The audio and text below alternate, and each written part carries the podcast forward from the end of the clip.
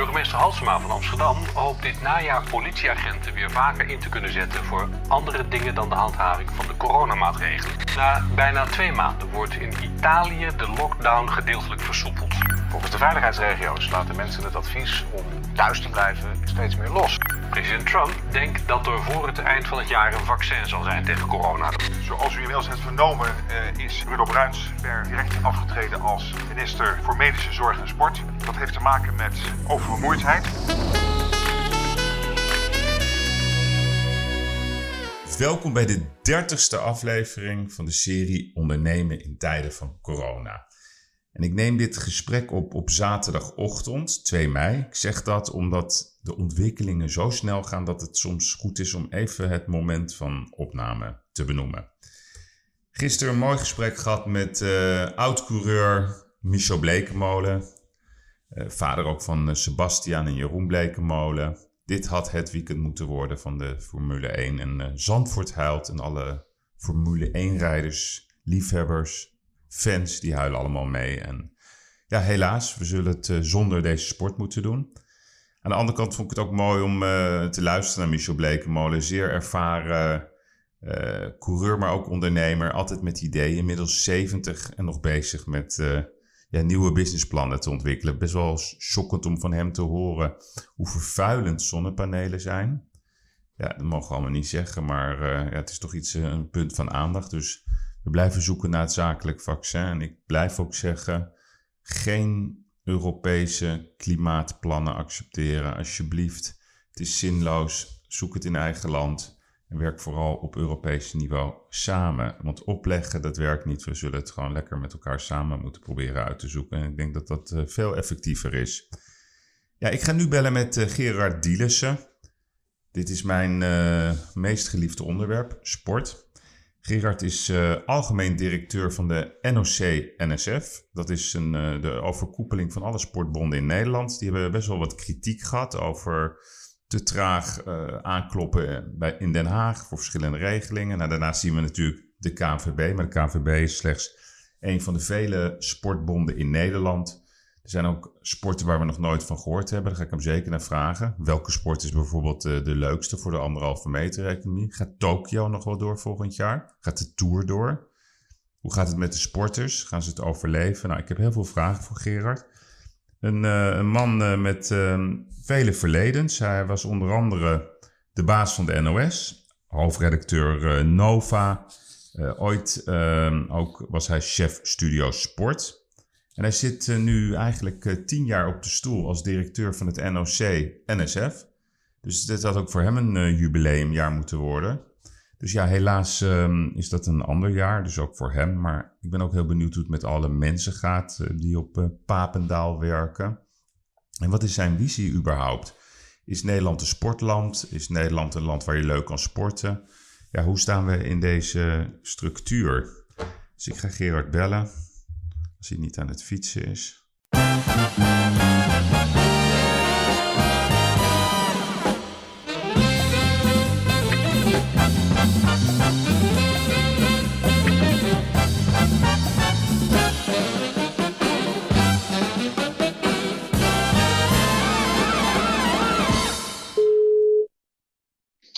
Met Gerard. Ja, Gerard, goedemorgen met Yves. Hallo.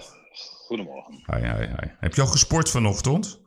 Uh, nee, dit keer niet. Nee. Het is uh, slecht weer, veel regen. Nou ja, uh, dat maakt dan ja. niet uit. ja, nou, het maakt niet uit. Ja, wat zou je ervan zeggen? Nee, nee, nee. Ik heb nog wel een fietsritje op de, op de agenda staan vanmiddag en morgen. Dus dat komt wel goed vandaag. Nee, maar een man die ooit de Stelvio heeft beklommen, die moet niet zeg maar terugduinsen voor regen. Nou, ik ben wel een beetje een mooi weerfietser, moet ik zeggen. Ah, okay. Een mooi weersporter. Dus uh, ik hou wel van een zonnetje. En als je op Stelvio fietst in de sneeuw. En, uh, nou ja, dat, ik, ik, ik, moet nog wel terugdenken aan, uh, aan een beklimming die ik ook in de buurt van de Stelvio heb gedaan. Dat is de Col Daniel. Ja. met mijn kinderen.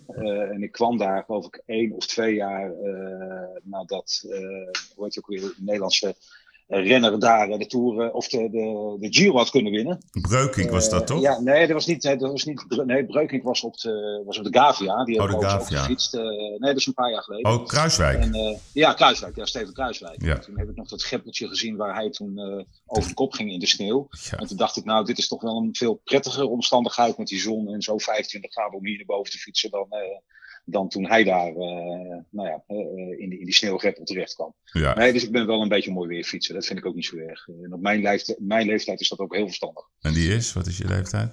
Ik ben uh, 65. Ah, en toch nog zo sportief. Knap hoor. Hey, ja, ja. Jij bent een beetje tevreden, want de eerste 110 miljoen zijn binnen. Ja, nou ja, en niet alleen de, 100, of de eerste 110 miljoen in deze buitengewoon bizarre en ongekende periode. Maar we zijn ook weer een beetje langzamerhand sporten. Hè, dat mocht natuurlijk al. We hadden hier die zogenoemde intelligente lockdown. Hè. Daar was ik ook best wel blij mee. Dus dat betekende dat, uh, dat uh, de minister-president, dat Mark Rutte, ook eigenlijk van het begin af aan heeft gezegd: van nou, als je een blokje om wil, of als je een stukje wil hardlopen, of een stukje wil fietsen, dan, dan kan dat. Maar doe dat alleen. Nou ja, ik ben zo'n voorbeeld. Ik doe dat alleen. Dus ik hou mijn ritten ook keurig bij op uh, Strava, op de fietsapp. En dan zet ik er ook hashtag ride solo. Dus ik hou me goed aan uh, al die afspraken. En dat is anders dan in Zuid-Europese landen. In Spanje bijvoorbeeld. Dan mag je helemaal niet meer naar buiten toe. Hmm. en dat, uh, ja, dat, dat, dat hebben wij hier gelukkig niet hoeven mee te maken. En, nou ja, en eerder deze week of afgelopen week konden kinderen tot en met 18 ook alweer voorzichtig onder begeleiding op hun eigen sportaccommodaties terecht. Nou, dat, dat vond ik ook al een hele belangrijke stap in, uh, nou ja, in de route uh, uit die intelligente lockdown. En die 110 miljoen die dan gisteren is vrijgekomen, ja, is natuurlijk ook uh, ja, waanzinnig belangrijk om ons unieke sportinfrastructuursysteem dat wij hebben in Nederland, om dat overeind te houden. Ja, want die 120, want ik zat even te kijken, die, want ik zag dat 90 miljoen gaat eigenlijk aan een soort korting van de huurbetaling. Dus dat gaat niet echt naar de sport. Het is meer van. Ja, dat gaat rechts. Ja, dat gaat. Nou, dat moet je wel anders zien. Dat gaat echt rechtstreeks naar de sport. Ja. Uh, uh, dat komt terecht bij sportverenigingen die de afgelopen weken uh, niet in staat waren om hun huur te betalen. Ja. nou ja maar daarmee bedoel ik meer, het is meer dat ze in leven kunnen blijven. Maar het is niet zo dat het rechtstreeks naar de mensen op straat gaat. Of indirect dan, want jij zegt dan blijven ze in leven. Ja, want kijk op, kijk, op het moment dat die sportclubs, en daar hebben er zo'n 25.000 van, uh, hun huren niet meer kunnen betalen. En ja. veelal zijn die sportclubs afhankelijk van uh, gemeentelijke sportaccommodaties. Uh, ja, nou ja, als ze hun huur niet meer kunnen betalen, dan, uh, ja, dan gaat dat natuurlijk mis. Ja. we hebben in eerste instantie ook wel met de gemeentes overlegd van nou, zet nou die huren stop. of zorg ervoor dat je dat kwijt gaat schelden. Nou, dat, ik snap ook wel, want gemeentes hebben natuurlijk ook een hele zware tijd. Ja. Dus uh, dat, dat, dat ging moeizaam.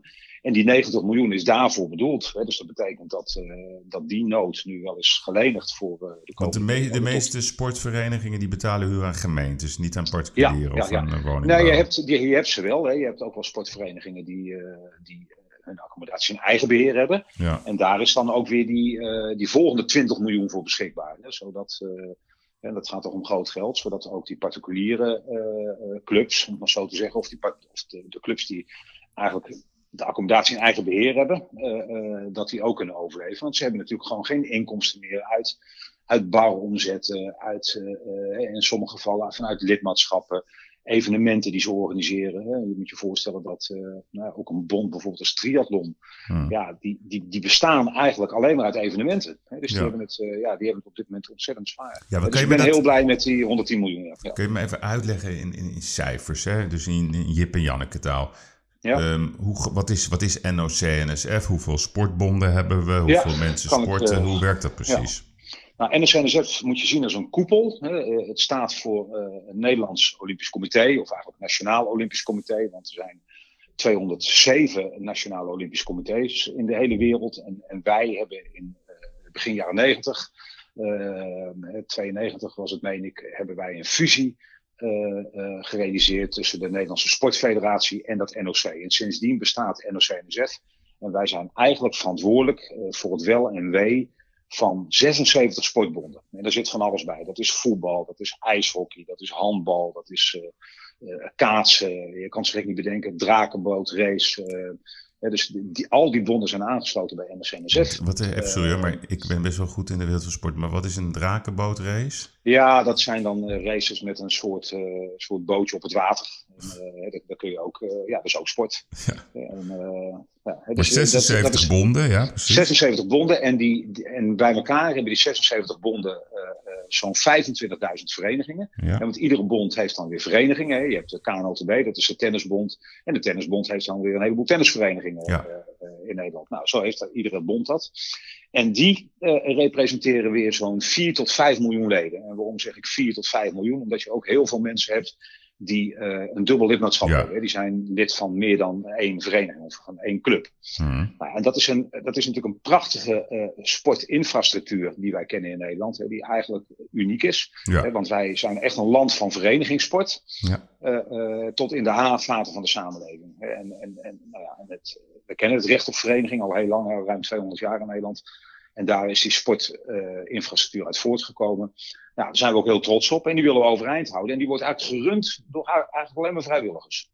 Ja, ja. dus er zijn per week zijn er ruim een miljoen in de normale tijd, is nu even niet zo.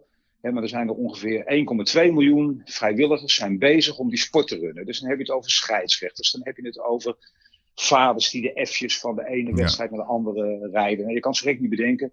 Maar dat zijn ook vrijwilligers die uh, ervoor zorgen dat uh, een groot golftoernooi als de KLM Open gerund kan worden. Hè. Dat zijn er ook zo'n duizend die aan zo'n evenement meedoen. Hmm. Nou, dus dat, dat is echt heel bijzonder.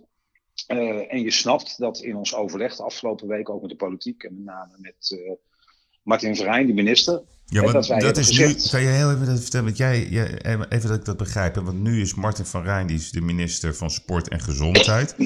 en daarvoor ja. was het minister Bruins. Hoe, ja. Heb jij enig idee hoe het gaat met Bruins?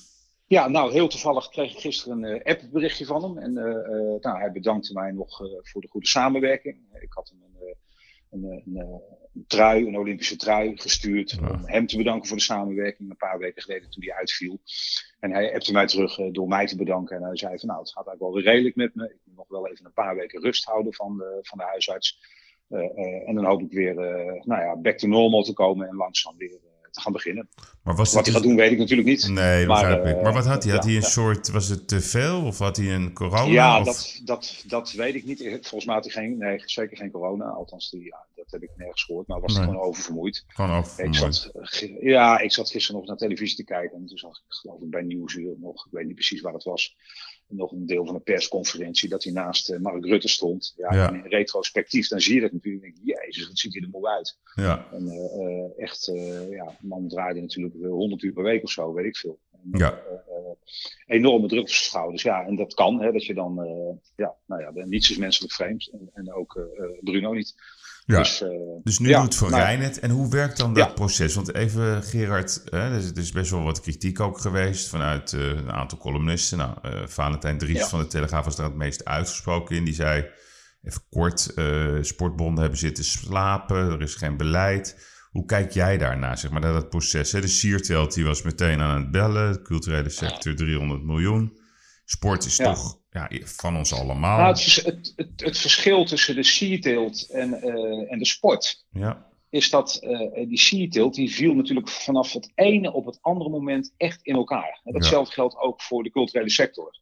Uh, de theaters moesten sluiten en artiesten hadden geen inkomen meer. vaak ZZP'ers, seateelt precies hetzelfde. Bij de sport werkt dat toch wel even wat anders. Hmm. He, want de sport draait, wat ik al zei, op die uh, 4 tot 5 miljoen leden. Nou, die hebben doorgaans hun contributie uh, betaald allemaal voor een heel jaar. Er zijn uitzonderingen. Je hebt ook uh, bonden en ook clubs die hebben een kwartaalcontributie. dus daar heb je meer momenten in het jaar dat je kan besluiten van blijf je lid of blijf je niet lid. maar over het algemeen is dat niet zo. dan zijn de inkomsten vanuit de contributies, en dat is een heel belangrijk onderdeel, dat gaat echt om vele, vele miljoenen over heel Nederland die zijn eigenlijk voor heel 2020 gewaarborgd. Ja. dus het was voor ons best moeilijk om in eerste instantie echt een heel scherp beeld te krijgen van wat. En, en, met name hoe groot de financiële problem, problematiek uh, zou zijn. Hmm. we hebben in eerste instantie hebben we wel een ruwe berekening gemaakt. En inclusief betaald voetbal en inclusief evenementen en inclusief lidmaatschappen en inclusief de derving van inkomsten van kantines kwamen we toen op een bedrag van 950 miljoen. Ja. Nou goed, als je al kijkt naar, naar, wat alleen het voetbal neerlegt, hè, dat is dan zo'n 400 miljoen. nou ja, dat is, dat is dan al ongeveer de helft van, van dat bedrag. maar was het op dat moment, hè, dan bespreken we over nou, volgens mij eind maart, uh, was dat best wel lastig. We hebben ook in die periode allemaal overleggen gehad met, uh, met alle bonden, met al de algemeen directeuren en ook met de voorzitters.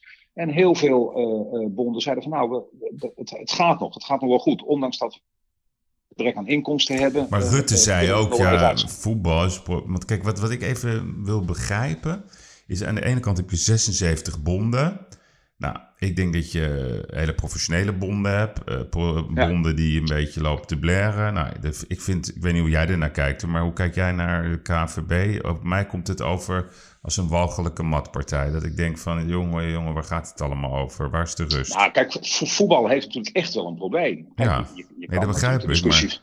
Je kan natuurlijk de discussie voeren over, uh, en, en, die wordt ook gevoerd, uh, nou ja, of zij de populariteitsprijs winnen door uh, honderden miljoenen euro's uh, te vragen, of in ieder geval, hè, ze hebben niet gevraagd, maar in ieder geval wel bij de minister aangeklopt van werk met ons samen hoe we dit probleem gaan oplossen. Hè, want nou, als we tot het einde van het jaar moeten spelen, dan hebben we het over betaald voetbal zonder publiek, ja dan... Nee, nee, maar die snap ik wel. Dat, dat, dan, dat ja, ja, want voetbal vinden we, de helft van Nederland vindt voetbal leuk en de andere helft niet, maar... Ik snap dat wel. Nou, ik denk dat je daarin vergist. Ik denk dat veel meer dan de helft voetbal leuk vindt. En het is natuurlijk ook een enorm vermaken. Want iedereen, uh, er is geen sport zo populair om naar te kijken als voetbal. Ik, zeg, ik zeg niet voor niks altijd, je hebt voetbal en sport. Je hoeft mij niet te overtuigen. Ik ben echt, echt een diehard. Alleen wat ik niet begrijp, ja. zit ik naar te kijken en dan denk ik, ja, hoe moeilijk kan het zijn om te zeggen, want dan, dan is iedereen blij, oké, we doen 20 clubs, wat, wat volstrekt legitiem is. Dus uh, dat vind ik echt normaal, ook vanuit Cambuur en een graafschapstandpunt. Dan zeggen ja, de nee, daar nee, maar goed, het idee. Dus de burgemeesters die zeggen dan: ja, nee, dat kan allemaal niet. Dan kan je toch gewoon beginnen zoals Wembley dat dacht. Hè? We gaan de eerste vijf, zes wedstrijden doen we bijvoorbeeld in de arena of we doen dat in, in de kuip. Om gewoon even dat eerste stapje te maken. Dan heb je goede controle erop. En daarna gaan we gewoon weer het normale seizoen draaien. Zonder publiek, neem ik aan. Nou ja, ik, ik, uh, goed, maar het besluit om de competitie stil te leggen is natuurlijk niet door de KNVB genomen. Dat nee, dat begrijp ik. Maar... De regering genomen. En zij gaan hopen in september weer te kunnen beginnen. Ja. Uh, en dan is het nog maar de vraag of je met publiek kan beginnen. En Wat denk je zelf? Gewoon eerlijk? ja, ik denk, ik, ik denk dat, dat de kans heel groot is dat ze zonder publiek moeten beginnen. Maar daar kunnen we het zo nog over hebben. Als je kijkt naar de toekomst, wat er dan gaat gebeuren, die is erg onzeker. Ja, uh, ja, maar... maar... ik denk dat ze zonder publiek moeten beginnen. En dat is in Nederland voor het voetbal, ja, dat is echt wel een leegloper hè, qua geld. Want in Nederland zijn de clubs afhankelijk van de inkomsten van de bezoekersaantallen en een beetje sponsoring. En veel minder van de, ja, veel minder van de mediaopbrengsten. Ja. Zoals dat in andere landen het geval dus is. Engeland uh, krijgt elke club ja, geloof 200 miljoen al bij de start die in de Premier League zit. Dat is in Nederland zit. natuurlijk heel anders. Hè, omdat de competitie kleiner is. Het taalgebied is gewoon kleiner. De clubs zijn over de wereld veel kleiner. Ik heb jarenlang ook bij de NOS was ik ook verantwoordelijk voor de mediarechten en de voetbalrechten. Dus ik weet daar veel van. Ja. Uh, uh, dus dus in, in die zin snap ik de clubs wel. Maar goed, de andere kant, en ik snap dat sentiment in de samenleving wel heel erg goed dat uh, ja, als PSV een, een, een verdediger koopt uh, voor miljoenen, ja. ja, daar kan ik bij Papendal uh, vier jaar lang exploitatie van draaien, weet je wel. Dus ja, ja dat, ja weet je, dat je dan al snel dat soort vergelijkingen krijgt, ja. dat is moeilijk uit te leggen. Dus, dus de KNVB heeft wat dat betreft natuurlijk wel een, een reputatieprobleem, ja. wat, wat ze goed moeten uitleggen. Nou, nou ja, ik, dus ik, ik heb er best begrip voor en nou ja, en vergeet ook niet wat ik net zei, dat eh, voetbal trekt gewoon heel veel fans en heel veel publiek, vermaakt heel veel mensen. Ja. En ik zeg altijd, we winnen veel met sport, maar dat geldt natuurlijk ook voor voetbal. Ja, eh, nee, maar even terug. Dat probleem niet onderschatten. Nee, dat begrijp ik, maar we gaan even terug naar Den Haag. Dus jullie hebben gezegd, oké, eerst de analyse, dan de actie. Dat, dat, vind ik, dat kan ik heel goed begrijpen. Dan ga je uiteindelijk aankloppen bij, bij Van Rijn, staatssecretaris. Nou, dan heb je 76 sporten. Welke sporten vind jij nou geschikt voor de anderhalve meter economie? Uh, nou ja, er zijn. Op, ja, ik, ik denk dat we in de sport zo creatief zijn dat eigenlijk, eigenlijk wel bijna alle sporten in meer of mindere mate uh, uh, wegen kunnen vinden in de komende weken en komende maanden. Dat ze weer kunnen beginnen met in achtneming van dit soort richtlijnen, zoals die anderhalve meter. Ja. Uh, kijk, als je bijvoorbeeld, uh, ik noem een paar willekeurige voorbeelden. En er zijn voorbeelden die veel makkelijker zijn dan andere voorbeelden. Maar noem roeien. Ja, je kan met z'n tweeën in een boot gaan zitten, Ja. anderhalve meter. Hè, maar met acht kan dat niet. Nou ja, weet je, dan, nou, dan moet je dan, dat, dat is dan zo. Mhm. Eh, eh, als je kijkt eh, eh, naar fietsen, eh, wat ik zelf doe, we, we hadden het erover aan het begin van dit gesprek. Ja. Eh, ik fiets alleen en, nou, ik hoop dat we straks weer eh, met een clubje kunnen fietsen. Ja, maar jij, je- Gerard, kijk, jij woont in de buurt van Gollo, hè? Eh, Volgens mij Ja, ook waar, ja. waar Derksen woont. Kom je die trouwens wel Ja. eens tegen daar? Nee, die ben ik, eh, Nee. nee. ik ken hem wel, maar ik ben hem hier nog niet tegen. Nee, nee, maar jij woont daar. Maar ik, ik woon in Amstelveen. Ik fiets ook heel graag in het bos. Dan pak ik de mountainbike. Nou, Ja, ja. Daar, daar gaat het is hier druk. Dus mensen zitten ja, in, in het wiel te rijden. Groepjes van vier. Het is onmogelijk hier in die, in die steden. Nou, dan moet je gewoon, eh, ja, maar goed, eh, kijk, als jij Yves gewoon een beetje voorop staat en zes uur nee, gaat dat fietsen, klopt. Maar als iedereen dat doet. Eh, weet je, dan, dan kan het wel als je aan de randen van de dag gaat fietsen. Of je Ja. fietst bij jou een beetje het groene hart in en niet op je mountainbike. Weet je wel, dan, eh, ik ken die streek, ik heb er gewoond in Utrecht, weet je wel, dan kan het ook Ja. uitstekend. ja. Eh, eh, we moeten ook een beetje vindingrijk zijn. We moeten ja, allemaal nee, discipline. Oké, dus En- en het- discipline is het gaat- sleutelwoord. Uiteindelijk, en dat wil ik nog wel even zeggen, het gaat uiteindelijk natuurlijk wel om de, om de gezondheid van deze Ja, samenleving. zeker. Hè, die ernstig wordt bedreigd door een virus waarvan we weten dat daar het komende jaar, anderhalf jaar, nog geen vaccin voorhanden is. Hè. Ik zat Ja. vanochtend een verhaal te lezen in, geloof in de Volkskrant van de NRC. Ja. Eh, eh, ja, daar is nu ook alweer ruzie over wereldwijd. Nee, van, maar- eh, als er eenmaal een vaccin is, ja, dan duurt het nog heel lang voordat Nee, maar acht dat... Ja, maar miljard jij- mensen zijn Kijk, luister, jij bent stuursport ge- gewerkt, chef geweest. Je bent chef geweest van de NOS. Jij weet precies hoe nieuwsvoorziening gaat, maar ook nieuwsgaring. Ik zeg wel eens, goed nieuws is geen nieuws. Eh, ja, mensen moeten ook gewoon, zeg maar, ja, eh, het spannend houden. Volgens mij de nieuwsmedia, vooral de kranten, dit is hun droom. Want ja, die digitale abonnementen, die schieten door het dak. Ja, ja, ja, zij hebben baat hè, bij deze Ja, crisis, die hebben weer eh, baat zin. Ja, nee, dus het is best ingewikkeld. En dan, dan heb je de bekende columnisten. Nou, iedereen doet zijn plasje. Eh, Angela Lon- de. Jong zegt gisteren dat we het woord perspectief niet meer mogen gebruiken. Nou, het zal maar wel. Nee, Ja, maar het zal allemaal wel, dat denk ik Ja, ook. hè. Iedereen heeft een opvatting. Nee, Daar word dus- ik wel eens een beetje moe van, Yves, dat iedereen tegenwoordig heeft een opvatting, weet je wel. Dat moet allemaal gedelibereerd worden. En, eh, nou, Ja. weet je, eh, ook Valentijn Driessen, waar je net over begon. Kijk, eh, ik gun hem zijn mening. Ja. Ik ben het er niet mee eens, weet je wel. Wij werken hard voor het belang van de sport. En er is gisteren 110 miljoen bijgekomen. En we hebben met de minister afgesproken. Nee, maar vind je het Dat dan allemaal onzin wat hij zegt? Want ik bedoel, als ik het zo lees, denk ik, nou... Ja, ja, het- ik bedoel, je kan alles van hem vinden, maar ik vind niet iemand die onzin uitkraamt, eh, Valentijn. Vind je dat wel? Nou, ik vind dat hij eh, Te fel? de, afgelopen, de afgelopen maanden is die, heeft hij wel wat meer uitglijders gemaakt. Ook op televisie. Hij is ook gevallen, hè? Hij is ook gevallen. Ja, weet je wel, dus denk ik Moet ook. hem wel sterk ja, wezen. Ja. Ja, nou ja, ik- wens hem ook sterkte. Nou, kijk, hij, hij is een columnist en een columnist heeft natuurlijk alles wat, wat scherper aan en ja. zwart-wit. En dat, dat moet hij ook doen. En het, dat is ook goed voor het debat, hè? Want eh, Ja, doordat hij zo'n column schrijft, Ja. ja, en als ik dat dan lees, en ik, ik, ik lees veel, maar ook weer niet alles, dan denk ik, ja, jezus, moet toch nog eens even over nadenken. weet je. nee, dus dat precies. bereikt hij wel. ja En dat is goed. Ja. Eh, daar vind ik helemaal niks mis mee. Dus Nee. ik ben er ook helemaal niet boos over. Maar ik zie wel wat wij doen. En als ik nu, nu hè, je vroeg net welke sporten zijn er echt klaar voor die anderhalve meter economie. Nou ja, kijk, als ik kijk naar, naar bijvoorbeeld de Nederlandse Golffederatie. Ja. Nou, Dus- dat is nou typisch een sport waarvan ik zeg van nou, die hebben dat zo goed op orde eh, Ja. nu.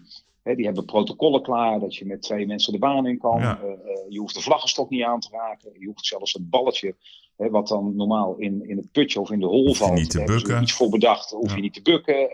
De harken gaan uit Ja. de, de bunkers. Slottijden online. kan besmetten. Slottijden online. Noem het allemaal maar op. Nou, ik heb het protocol gelezen. Gewoon fantastisch. Dus Maar- die staan gewoon startklaar. Nou, ja, Maar- ik maar denk dat ergens iedereen, hè? half mei Ja, maar even, dit is... of, daar- eh, in de loop van de maand mei, dan komt dat wel los. Weet je wel dan? Ja, maar Gerard, dus- kijk, dit vind ik dus interessant. Want dit is nou precies wat ik altijd die micro-economie noem. Want alle verhalen zijn anders. Dus het is bijna onmogelijk om één standpunt in te nemen. Dus als je nou golf neemt, er is geen betere sport die en voldoet aan het anderhalve meter principe, maar die ook nog eens gezond is. Het wordt beoefend door 60-jarigen, best wel in grote getalen. En niet het beeld van vroeger dat het elite is. Hè. Je hebt natuurlijk een paar rijke uh, clubs, ook een aantal nieuwe clubs, zoals de International en de Juke. En ja, uh, ja, dat nieuwe ding in, van Bernardus, uh, van Robert van der Wallen.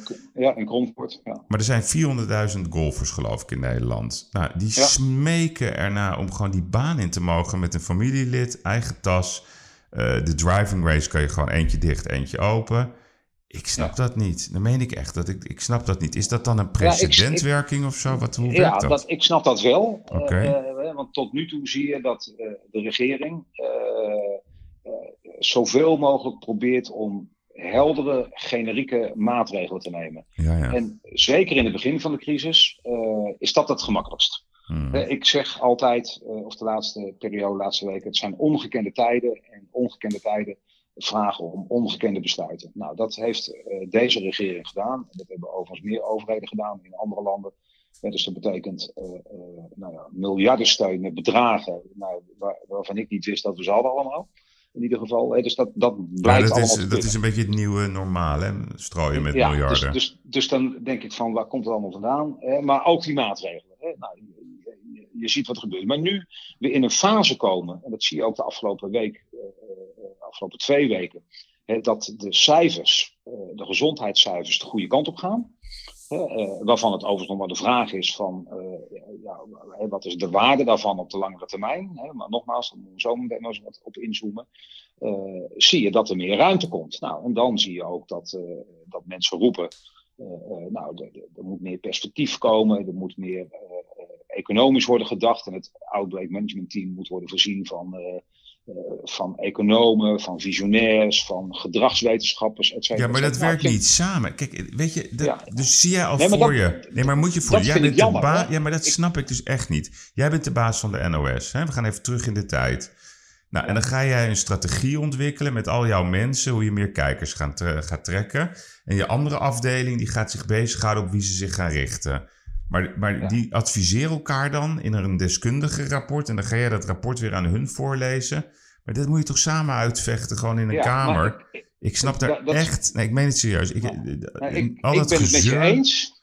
Ik ben het met je eens dat eh, eh, eh, tot, tot, tot nu toe ongeveer de, de medische specialisten eh, eh, voorgingen. Hè, dat, dat, dat snap ik heel goed. Dat wordt gewoon voorgelezen, die, die, die, die, die brieven. Ja, ja, ja. Nou, maar dat, dat, is, en daar, nou dat is ook niet helemaal. Hè. Nou, pak die laatste brief eh, van RIVM, 13 pagina's. Het is gewoon exact wat Rutte heeft gedaan. Maar echt werkelijk waar niet nou één punt uitgezonderd. dat volgt hij dan, hè, eh, Ja. het kabinet, het kernkabinet. Eh, maar nu eh, zou ik vinden, en ik heb het ook in een van mijn eh columnjes voor mijn personeel geschreven. Eh, ik vind dat nu die andere aspecten wel meegewogen moeten gaan worden. En dat, eh, nou ja, eh, Rutte kiest er, kiest er niet voor om zeg maar, een soort impact management team eraan toe te voegen. Maar gaat wel kijken, heeft hij laten weten de afgelopen week.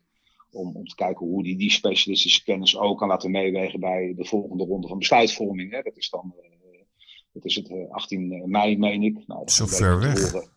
Ja, is over, nou ja, ver weg. Het is over twee weken. Moet Ja, nee, maar ja. Eh, Voor, ja, voor- ja. Nee, maar even, hè, want even, nee, maar Gerard.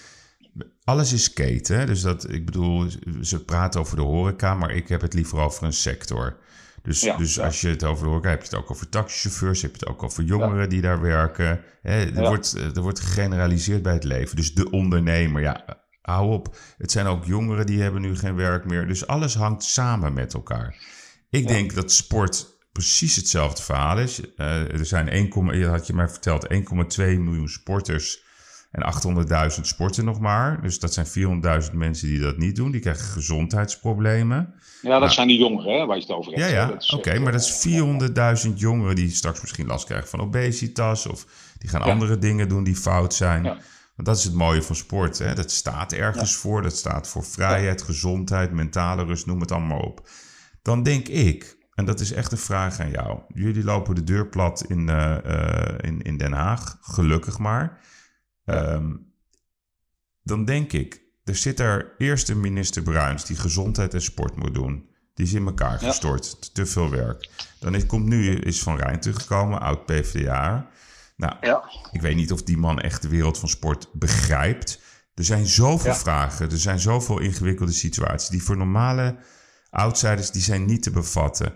Waarom Ja. niet een minister van sport aanstellen tot en met eind 2021. Iemand met sport en bestuurlijke ervaring. En die gaat al die kwesties uh, behandelen. Daar praat je ook veel makkelijker mee, want die snapt de materie. Zoals ze dat met die Sibesma hebben gedaan. Ja. Waarom niet? Ja, nou ja, weet je, uh, een goed idee. Ik zou wel over een minister van Sport willen beschikken, hè, die dedicated voor sport verantwoordelijk is. Ik heb een aantal ministers meegemaakt die sport in hun pakket hadden. Ja, in hun pakket. Ja. Bruno en dan nu Martin Verijn als minister. Ja, En dan zit sport erbij. Hè. Dus ik, in, in die zin, als ik naar het realiteitsgehalte kijk van jouw idee, dan zou ik zeggen, heb je misschien wel meer aan een staatssecretaris van sport die al, zich alleen maar op sport richt. Die operationeel is. Die, die, die, uh, ja, die, die het erbij doet. Uh, uh, nou, je hoort mij over niet klagen over Martin Vrijn. nee, dat gaat helemaal niet over, om. maar het gaat om het principe. Ja. Hè, maar ja, ik, ik denk niet dat het een realistische route is om nu nog te verwachten dat dit kabinet maar in deze periode nou ja, want waarom zou je dan niet een aparte minister voor horecazaken of een nou, aparte ook, minister van... ook. Uh, nee, maar ja, jij, jij zegt net onorthodoxe situaties vragen om ongekende besluiten. Ja, ja, ik vind dit een ongekend besluit, maar wel positief. Want ja, nou ja, ik, ik, ik, ik, ben, ik zeg niet dat ik het met je oneens ben. Integendeel, ik ben het met je eens. Alleen ik zie het niet gebeuren. Oké. Okay. Uh, uh, dat, is, dat is wat anders. Hè? Ik bedoel, uh, maar misschien is dat een kwestie van, van. Wil je, ja. minister, wil je minister van Sport worden? Nou, dan zou ik er serieus over nadenken voor deze periode. Ja, dat is toch logisch? Ja, kijk, ja. ik vind het zo... Kijk, ik, wat, wat ik zo vervelend vind om naar te kijken... is dat een Rutte dan in de wandelgangen ja, vragen krijgt over het Fletcher Hotel. Dat, het is ook, niet, het is ook wel kolderiek. Hè? Dus het Fletcher Hotel gaat open.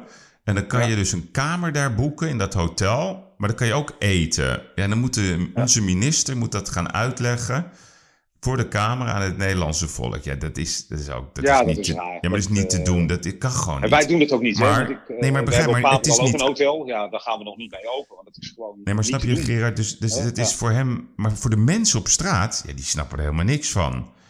Dus Ja, ik denk, ja. je moet nu bij al die, al die sectoren die dat zoveel steun nodig hebben. En het is niet, al- steun is niet altijd geld. Hè? Dus ik vind sport, waar jij in zit, dat is zo. Hè, als je kijkt ook naar jullie uitgangspunten, de plannen die jullie hebben geformuleerd. En mensen zijn heel kritisch in Nederland, maar geloof mij, ik ben in Rusland geweest, al die landen, daar hebben ze helemaal geen hockeyveldjes en, en noem het Ik allemaal. weet het. Ik ben Nee. ook over de hele wereld Ja. geweest. En volgens, dat zeg ik ook. We hebben een fantastische sportinfrastructuur. En laten we die overeind houden. Ja, maar En- dat is maar het. goed, Laten we Maar dat gebeurt wel. Hè, weet je, als ik dan toch weer eh, eh, terugga naar de, de kritiek die sommige mensen dan op ons hebben. Ja, weet je, de, de persconferentie eh, twee weken geleden bijna van de minister. Ja, Hij begon met de volksgezondheid en onderwerp twee was sport. ja. Eh, nou, dat is natuurlijk ook niet toevallig hè, om dat belang te onderstrepen. En, eh, nou, en wellicht eh, verraadt dat ook een, een goede lobby van ons. Eh, nou ja, en nu eh, staan we ook voor in de rij weer met eh 110, 120 miljoen. En eh, eh, zijn, is de sport, zijn de sportaccommodaties voor de jeugd zijn open gegaan. ja. Nou, en ik, ik, ik verwacht echt dat de komende weken. Maar- maar zou ik je iets raars zeggen? Versoepelingen. Ik zou het normaal vinden als er een miljard gaat naar de sport. Nee, maar dat, is, dat klinkt Ja. tegenwoordig, is, is een miljard, ja, dat is een soort normaal geworden. Ja, ja, dat, dat heb Maar- ik ook wel een beetje. Nee, maar ik meen het echt. Dat meen ik gewoon ook als fan en ook als liefhebber en ook als vader. Ik vind sport zo belangrijk eh, om te doen. Ja. En, en, en topsport vind ik persoonlijk ook leuk. Dat als we als land Ja. een topsportbeleid hebben. Maar het kan, het kan, je kan het er niet even bij doen of zo. Dat moet gewoon. Nou en, maar laten we een eens even naar de feiten kijken. Hè? Laten we eens even naar de feiten kijken. Yves. Als wij kijken eh, eh, naar de ontwikkeling van de sport in de afgelopen, nou, noem het eens, tien jaar. Ja, en waarom tien jaar? Ik ben toevallig nu net tien jaar in dienst als algemeen directeur van NSNSF. Mhm. Dus ik kan die periode goed overzien. Eh, ehm, we hadden in zeg maar, de, eerste tien jaar van dit decennium hadden wij de ambitie om de Olympische Spelen naar Nederland te halen. Ik was er vanuit de NOS nog bij betrokken. Het Olympisch plan, Olympisch vuur. En dat dat sneuvelde was Ru- helaas. Rutte eh, 2 was dat, hè? dat was Rutte, ja, Rutte 2 heeft het laten sneuvelen. Hè, maar Ja. het begon natuurlijk onder Balkende. Hè, en Balkende zorgde dat het in de troonrede kwam, hè, die Olympische ambitie. Ja. En uiteindelijk tijdens de, de, de grote bezuinigingen van eh, begin van het uh, vorige decennium, hè, 2010, 2020, is dat gesneuveld uh, in het kabinet uh, van Rutte en Wouter Bos. Ja. dat is eruit toen uitgegaan. Dat vond ik heel erg jammer. Ja. Ehm, Waarom eigenlijk? Waarom wel... is dat eigenlijk gesneuveld? Ja, daar ben ik nog steeds niet achter. Hè, maar ik zal even die, die sequence afmaken, hè, die volgorde. En zag je eigenlijk wel dat, dat, dat sport kreeg toen veel meer maatschappelijke positie in die, hè, door dat hele Olympisch plan. En en, en, en dat waren zes belangrijke ambities. En de belangrijkste twee waren Laten we er nou voor zorgen dat we een top 10 land worden. En laten we ervoor zorgen dat we ook een plus 10 land worden. En wat is een dus top 10 land? Een top 10 land is dat we bij de beste uh, 10 landen op topsportgebied van de wereld uh, uh, behoren. Dat was de ambitie. Ja. en, en laten we er we ook waren elfde bij de vorige Olympische Spelen. Ja, maar goed, je, je moet het eigenlijk over de. Het gaat niet alleen over de Spelen, hoor. maar over de hele ja, linie. Weet je wel. Ja. bij, bij, ook bij EK's, WK's en op. En laten we ook zorgen dat we bij de beste 10 landen horen eh, waar het gaat om de, eh, de sportdeelname-index. En dat hebben we in het afgelopen decennium hebben we dat gerealiseerd. Hmm. Uh, vergeet niet, hè, er is enorm hard bezuinigd hè, naar de bankencrisis, et cetera, et cetera. En er is op landelijk niveau in ieder geval is er nooit bezuinigd. En toen de ruimte kwam, hè, toen hebben wij onze budget uh, enorm kunnen verhogen met tientallen miljoenen euro's. Hè, waardoor we nu staan waar we nu staan. Hè, want zowel de, top 10 ambitie en ook de sportparticipatiedeelname ja, die zijn uh, wereldwijd uh, uh, fantastisch. Dus dat resultaat, dat mag ook wel eens onder de aandacht worden gebracht. Ja, daar ben ik wel heel erg tevreden over. Wat moeilijk is, is om die plekken in de samenleving te bereiken. Dus de, de, de sociaal wat arme klasses. Ja. om kinderen en ook mensen eh, te laten sporten. Hè? Want veel mensen ja, die hebben of het geld niet of die hebben er geen zin in. Want wat gaan jullie daarmee doen dan? Bijvoorbeeld, ik zat nou, zo te denken, allerlei, misschien moet je een jaar gratis lidmaatschap aanbieden, sport naar keuze of zo. Ja, nou ja, ik vind eigenlijk dat iedereen recht heeft op sport. Ja. En dat zou natuurlijk een, een, een, prachtige uh, geste zijn ook als bijvoorbeeld in deze periode, ja. uh, deze bijzondere periode, als de overheid zegt van nou weet je, we gaan alle kinderen tot en met 12 jaar, ja. en die bieden we een jaar gratis lidmaatschap aan van een sportvereniging. Waardoor je A, zeg maar, die, die, groep kinderen bereikt die uh, uh, nu niet sport, maar wellicht wel wil sporten. Maar dat, zie je, dat voelen ze dat ook gelijk in de portemonnee, weet je? Dan denken ja, mensen, hé, hey, wat ja. leuk. Nee, maar dat, is, dat, dat, Gaat dat, dat eraan komen, denk je? Een, uh, nou, dat weet ik niet. Het zijn, Lobby je daarvoor? We, we, ja, we lobbyen, daar hebben we al langer voor gelobbyd. En we gaan natuurlijk ook weer naar de verkiezingen toe volgend jaar. En dat zijn onder, allemaal wel onderwerpen die daarin, die daarin naar boven komen. Uh, maar dat zou ik heel erg mooi vinden. Want da daarmee onderstreep je natuurlijk ook dat, dat ja, het is een soort mensenrecht eigenlijk sporten. Hè? Dat is ook wat jij zegt. En dat voel ik ook vanuit mijn tenen. Weet je ja, dat, vind ik wel een mooi dit. Dat, dat, het een mensenrecht dat vind, is. Dat vind ik echt. Ja. Hè? Dus ja. Uh, als we zoiets kunnen bedenken, dan uh, ja, dat, nou ja, dat, dat, zou, dat zou ik echt heel mooi vinden. En vooral ook, vooral ook in deze periode, die toch echt heel bizar is. En waarvan ik ook denk dat wij daar nog uh, lang niet vanaf zijn. Nee, maar, da, da, dus, nee, maar even om je daar even te onderbreken. Dus, we even, dus aan de ene kant vertel je net het verhaal. Hè? Rutte 2 had het toen afgeblazen, de sport. Dus misschien, ja, ja. misschien heeft hij geen sporthart. Uh, nou, ik denk dat het ook. Nou ja, dat denk ik wel hoor. Er was, geen dra er was geen draagvlak in de samenleving ook voor. Ja, is dat om, zo? miljarden vrij te maken. Toen ja, dat. dat, dat, dat Gedeeltelijk. Ja, het kwam ook een ja, beetje door. Hoe, hoe gaat het trouwens met uh, Camille Eurlings? Die zat toch, toch, ook in die bond? Hoe gaat daarmee? Ja, ik, ja dat weet ik niet. Uh, uh, Camille is natuurlijk weer van later. Hè. Camille is, Eind 2017 hè, was hij weg. Is die afgetreden als IOC-lid. Dus die was eigenlijk weer een slagje later. Hè. Dus ah. die heeft daar eigenlijk niet zo heel veel mee van doen gehad. Ah. maar ja, ja dat, dat, dat maakt het verhaal nooit beter, weet je. Als, als het, alles ja, is ja, imago. Dat maakt het niet beter, ben ik met nee. je eens. Ja, ja, ja. Nee, maar dus toch even, toch naar, even kijken naar het woord perspectief. Hè. Dat mag niet van, uh, van Angela de Jong, maar we gaan het... Uh, voor mij mag het wel. Ja, okay, heel goed. Kijk, dus ik denk, punt 1. Uh, gratis lidmaatschap voor een sport naar keuze voor jongeren. Wat je, jij zei tot 12 jaar. Dat is toch te dat gek? Idee. Ja, dat is, ja, maar dat, ik vind dat een geweldig idee. Want dan, dan, dan zien de mensen gewoon thuis van hun kinderen, in plaats van dat ze gaan rondhangen, dat ze een bepaalde sport gaan doen. En je ziet nu, hè, ja. dat, ik weet niet hoe jij daarnaar kijkt, ik hoor graag je mening erover, maar dat social distancing, de discipline, het is allemaal wat vriendelijker aan het worden op de een of andere manier. Ja. Nog ja. wel. Uh, de, de, jeugd, uh, die scheld je niet uit. Die zegt, oh, mogen we chillen? Die vragen dat in plaats van dat ze hele rare opmerkingen die maken. ervaring heb ik ook. Ja, In een maand tijd, hè? Het is bizar. Ja, ja. Nou, als je ooit Mooi, een toch? kans hebt, ja, ik vind dat ook. Dus ik zie het ook als een kans. Dus als je ooit die kans hebt gehad hè, en- hè, en- om weer ongekende besluiten te nemen, dan is het zeg maar, ga dan die kinderen nu voor eens en voor altijd een mogelijkheid bieden dat ze gaan sporten in plaats van dat ze drugsdealer worden. Want drugsdealer worden ze ik- alleen maar doordat ze rondhangen. Kijk, Ik vind het een geweldige sport, kans. eh, het, het mooie aan sport is, eh, eh, weet je, het verbindt. Het maakt eh, eh, mensen enthousiast, dus ook kinderen, en zeker ook de jongere kinderen. Hè. Ja. Het is goed voor de ontwikkeling, de leerprestaties gaan erdoor omhoog. Hè. Het stimuleert innovatie en, en het stimuleert ook leiderschap. En dat Zeker. vind ik ook een hele belangrijke. Op het moment dat je met een team eh, eh, Ja. eh, nou ja, zeg maar, eh, op pad gaat, hè, dan staan er toch natuurlijke leiders op. Hè. Jongeren kunnen dat leren en, en, en, en kinderen worden ook verantwoordelijk voor elkaar. Mhm. Dus je laat elkaar niet zitten. Dus het heeft allerlei aspecten eh, waar ik waanzinnig enthousiast over ben. Vandaar dat ik ook echt heel blij was.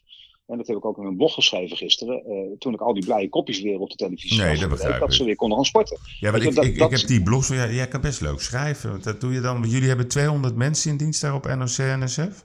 Ja, ja, ja zo ongeveer. Ja, ja, ja. En Ik dan- schrijf nu sinds eh, het begin van de, van de, van Ja. crisis. Want Eh, hoe gaat daar het met die begonnen. mensen? Want dat vind ik, ja, die mensen die zitten thuis nog of zitten ze al op kantoor? op Ja, ze, zitten, nee, ze werken allemaal thuis. En, Oh. eh, en een enkeling maar van de 200 die moet dan wel eens naar kantoor. Omdat ze koelvesten uitreiken aan eh, ziekenhuizen en noem maar op. En we proberen natuurlijk ook ons, eh, onze maatschappelijke verantwoordelijkheid echt te nemen. Daar waar het kan. Hè. Dus dat hebben we in het begin van de crisis gedaan. Ja, Dat hadden we de koelvesten van onze Team NL-atleten, ja, die, ja, die lagen daar maar. En die hebben we toen uitgedeeld aan ziekenhuizen, omdat eh, het, het zorgpersoneel het eh, buitengewoon warm had. Nou, ja, dus Ja, dat zijn wel redenen waarom eh, mensen komen. Maar ik schrijf inderdaad iedere ochtend een... eh, een via jammer, hè? Via, ja, ik, ik, ik zet het en op de mail en via Jammer of Jammer, Ja. zo je wilt. ja.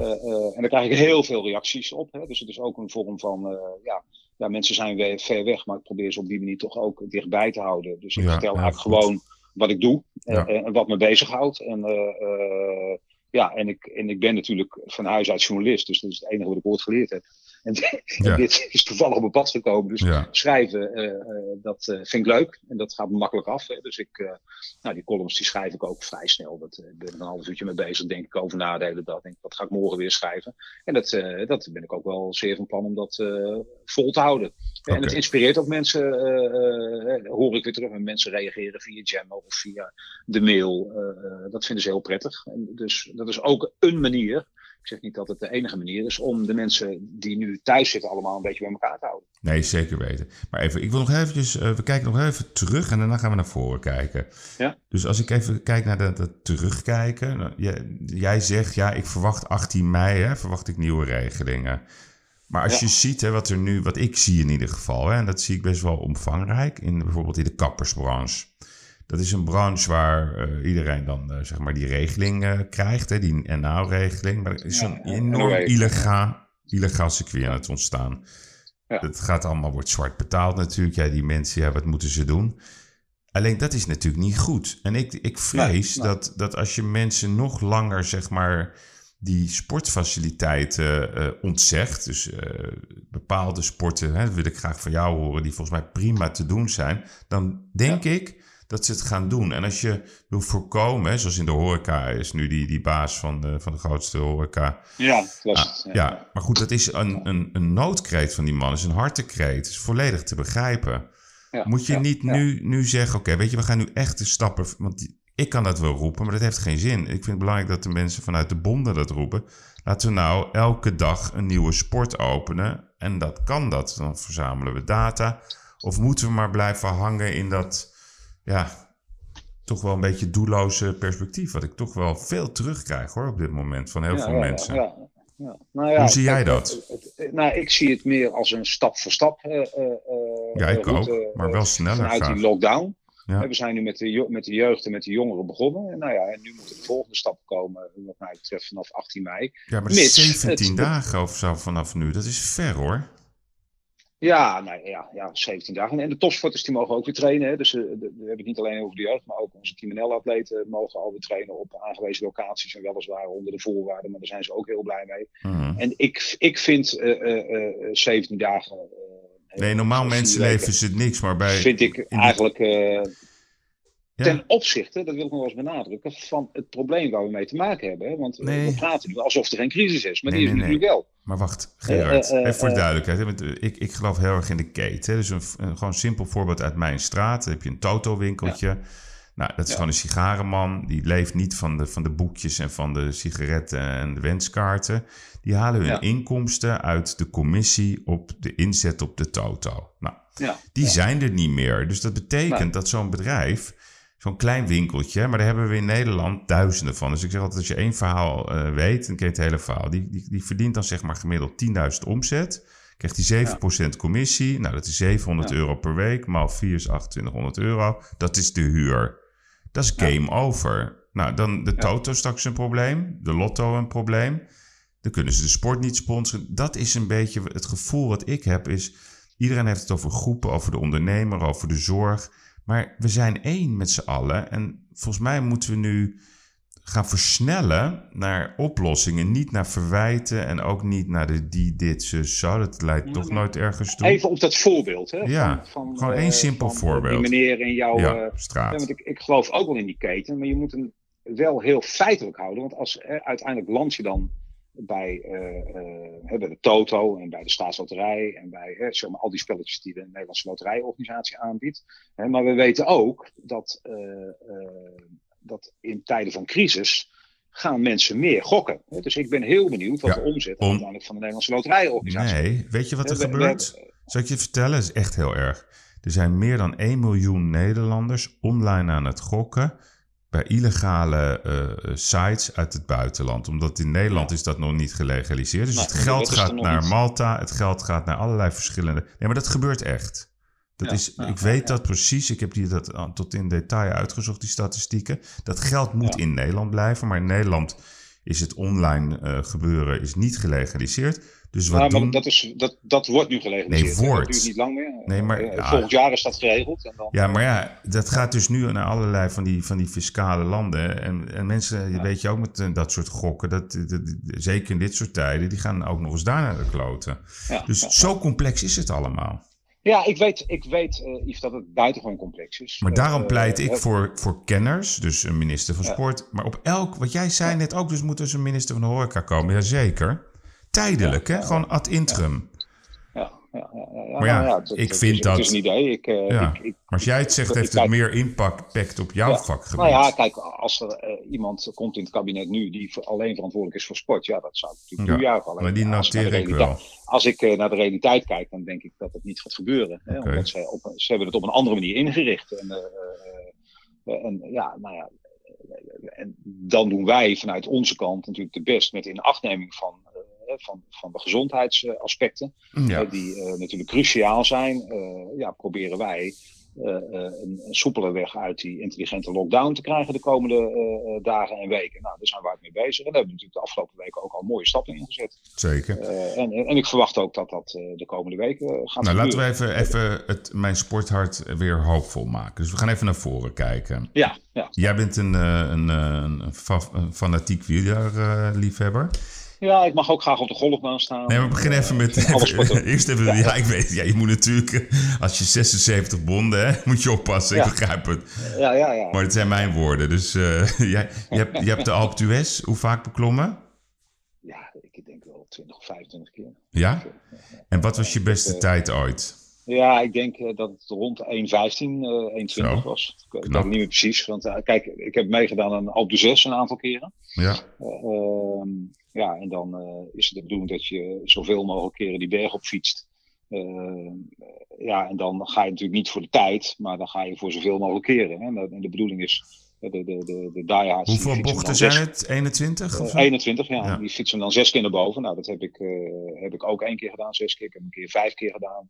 De laatste keer was in 2016. deed Oké, maar ik heb een quizvraag voor jou. Wie heeft Ja, ooit ja, eh, ja. de Alpe het snelste beklommen? God jeetje, ik denk dat het Marco Pantani was. Heel goed. Welk jaar? Ja, ja, dat, nou, dat, nou, dat, eh, ik vind dat ik al een hele Ja, knap. goed antwoord heb gegeven. Eh, Ja, nou, misschien is het, ja, ja, ik- Marco Pantani, dan heb ik het over de jaren negentig. Ja, maar wanneer, wanneer? Ja, nou dan doe, moet ik echt gokken, Yves. Dan uh, laat ik eens zeggen 94. 97, nou bijna. 97, nou dan zit ik er toch niet zo verkeerd. Nee, nee. En welke tijd denk je dat hij... Ja, ik, ik denk dat het iets net onder de 40 minuten was. Klopt, maar nog precies, Ja, ook daar? Nou ja, 38,5 minuten. Ah, vind ik knap van je. 37, 35. En Ja, welke, dat vind ik ook wel. ja, welke Nederlander heeft zeg maar ooit de uh, het snelst beklommen? Het snelst. Nou, je hebt natuurlijk een paar winnaars gehad. Ja. Uh, Peter Winnen, Stefan Rooks. Uh, ja, zeker. Gert-Jan Teunissen. Ja. Dat weet ik niet. Ik, ik, ik, ik gok Gert-Jan Teunissen. Nee, Tom Dumoulin. Tom Dumoulin, oké. Okay. Ja, dat is, dat is ook Hij heeft er niet gewonnen, maar... Niet gewonnen, maar wel het snelst naar boven ja, gereden. 41-18. En de tweede ja. Nederlander, wie denk je dat dat dan was? ja, maar, ja, ja. ja, je brengt me wel op een idee, want dat zijn natuurlijk mensen zoals Tom Dumoulin van nu. Ja. Met beter materiaal, beter. Uh, dus misschien is dat geen winnaar geweest, geen Nederlandse winnaar. Uh, nou, wie zou dat kunnen zijn? Steven Kruiswijk? Nee, Woutje Poels. Oh, Wout Poels, ja, dat, is, dat klinkt... Ja, die natuurlijk als, ja, als, als ja, ja, ja. 41, 54. En, en inderdaad, nou, ja, ik, de mooiste overwinning was, vind ik, 19... Weet je nog, Peter Winnen, welk jaar dat was? Nou, dat is in de jaren 70 geweest. Ja, 81. Of 81, ja, eind jaren 70. Ja, ja, Peter Winnen, ja, prachtig. Ja. Peter Winnen, ik moet hem nu zien komen. Ja, daar komt hij aan. Peter Winnen, om de bocht nu, de laatste 200 meter. En dat gaat betekenen dat er nu eigenlijk niks meer kapot gaat gaan. Peter Winnen wordt de winnaar van deze koninginnenrit in de Alpen. Deze fantastische rit die Peter Winnen in een fantastische stijl heeft gedaan, zeer goed heeft gedaan. Hij komt mee op de eerste bel. Oh, dan komen die andere drie ook al om de bocht. Maar ze gaan hem niet meer inhalen, toch zeker? Wat gaan we nou beleven? Peter, ga door, jongen. Ga door. Want die komen eraan. Alban en Inmo en Van Impen. Maar hier is Peter Winnen. Nee, hij gaat het niet in verliezen. Het verschil zal erg klein zijn. Maar Peter Winnen is de overwinnaar van deze etappe. Hij gaat nu over de streep. Handen in de lucht. En dan wordt het Bernardino. Bernardino die zich losmaakt voor het andere drietal.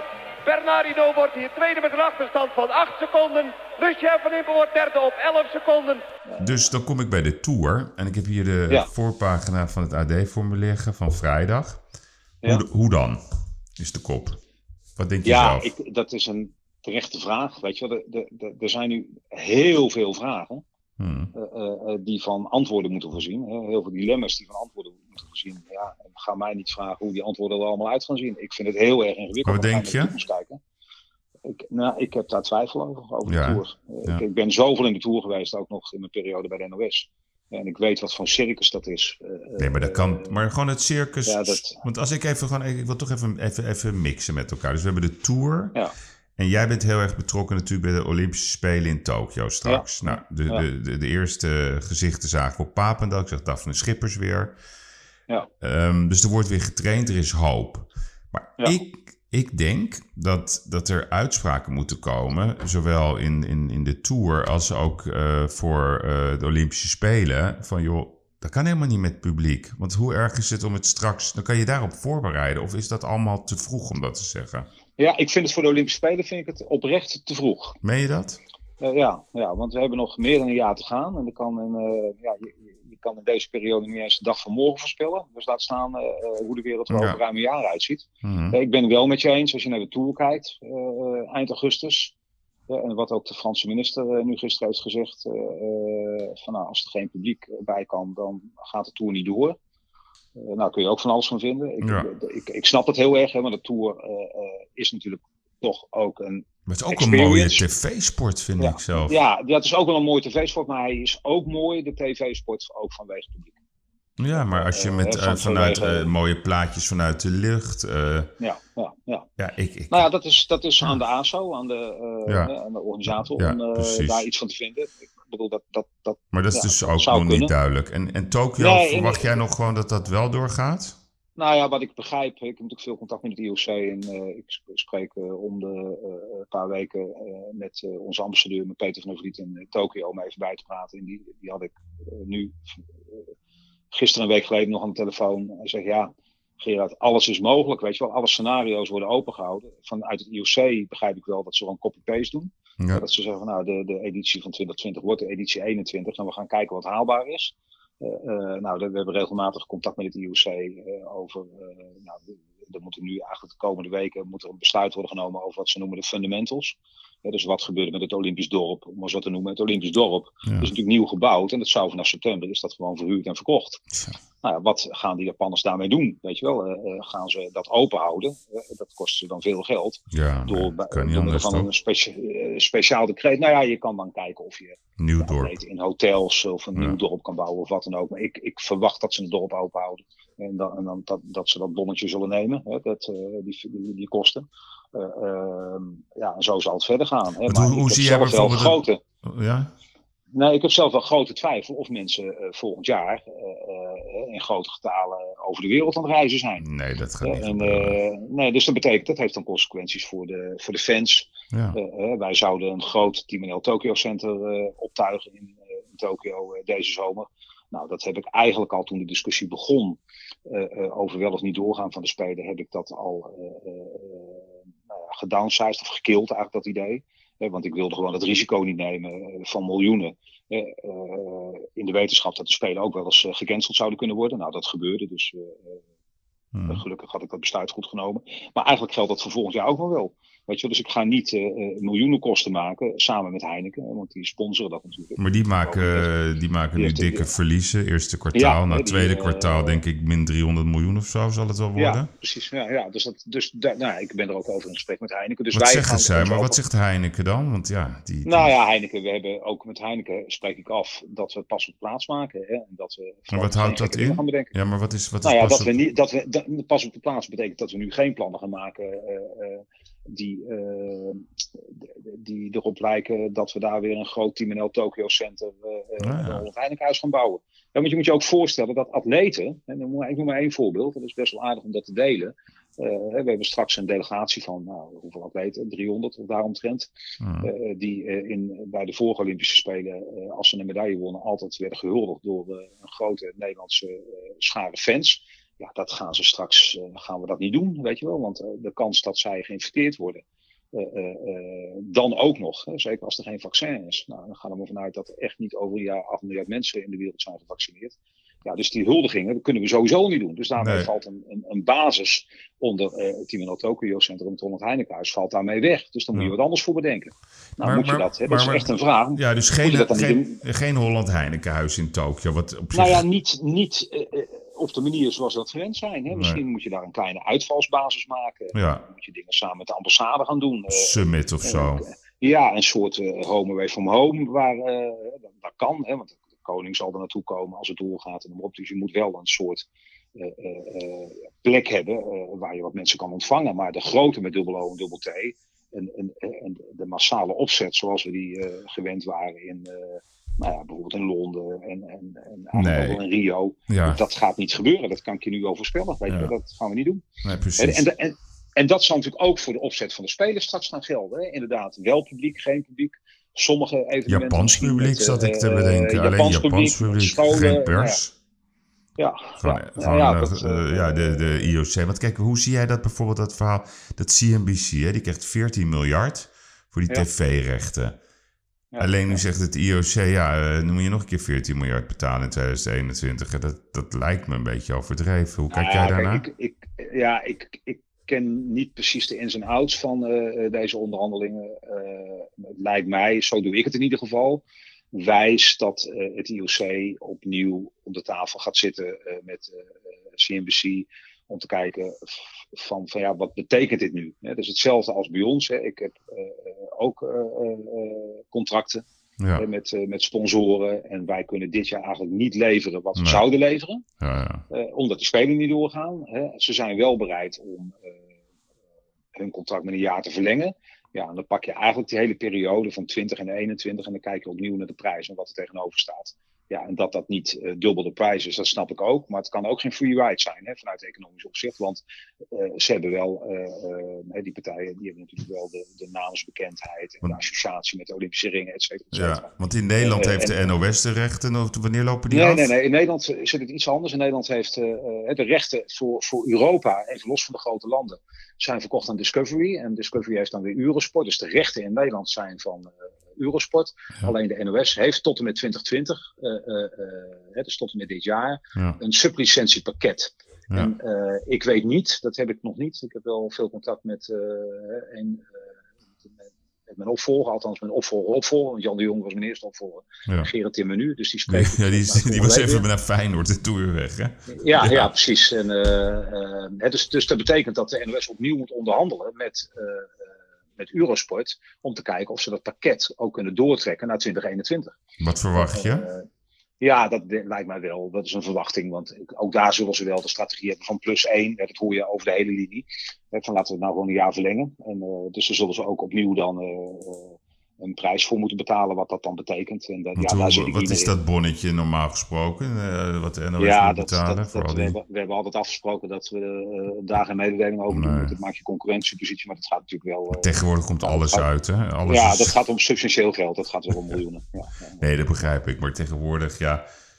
Er is Ja, maar dan is moet het maar meer- via de NOS naar buiten Oh, komen. En, ik weet het, en ik weet het nu ook niet, hè, want ik ben natuurlijk wel betrokken bij die sportrechten tot en met 2010. Maar wat er nu voor wordt betaald, dat eh, daar ik kan ik zou- wel een beetje naar gissen. Maar, Ja, eh, ik, ga, je- ik zou je niet in verlegenheid brengen, dus dan, anders wordt dat weer de heading van dit, eh, van dit verhaal. Ja, hey, dus, dus even, ja, nou ja, spannend hoe dat eh, spannend Rio. Dus, dus jouw verwachting, als ik het zo vertaal, is eigenlijk dat je zegt van nou, ik heb toch nog wel de hoop dat dat allemaal doorgaat. Alleen Ja. andere vorm, minder pers, eh, waarschijnlijk geen publiek zoals we dat kennen. Lokaal Nou ja, publiek, eh, Ja, wel de ja, koningen die langs gaan. Een deel. eh, Ja. eh, Geen Holland Heinekenhuis, maar wel iets anders. Dat soort dingen. Ja, nou, dat kan ook wel een Holland Heilige huisje worden. Hè? Ja, Of iets kleiner. Of, maar dat krijgt allemaal andere vormen. En daar gaan we na de zomer. Ik heb ook gezegd, nou, tot 15 september doen we sowieso niks. Nee. En pas daarna dan, dan gaan we gewoon eens even de, de, de, de temperatuur opnieuw meten in de wereld. Ja. En maar dat geldt ook voor toernooien. Weet je. Ik denk ook als het gaat om de sport. Hè, de, de, die grote internationale toernooien. Kijk naar het Formule 1 circus.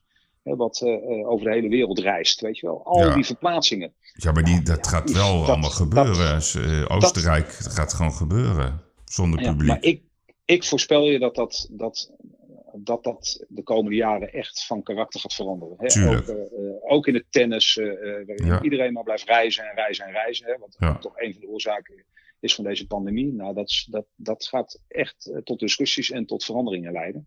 Dus kun je gaan- bijna, dus we gaan kun eigenlijk, je bijna eh, uittekenen. Ja, dus we gaan van, echt van een, van een globalisering naar een deglobalisering, maar meer door. Ja, je gaat naar een, eh, van een mondialisering naar een regionalisering, denk Ja. ik. Hè? Dat geldt ook voor toernooien. En dan hou je misschien wel eens in de vier jaar een Olympische Spelen eh, eh, vanuit een nieuw format. Eh, eh, eh, Krijgen we dan ook andere competities? Kijk, eh, ik kan me Ja, best wel voorstellen dat ja. gaat over voetbal bijvoorbeeld Nederland en België, maar misschien krijgen we wel Nordics en Zout. En, Ja, dat zou kunnen. Ja. Dat zou me helemaal niet verbazen. Dat, dat zeg maar door deze.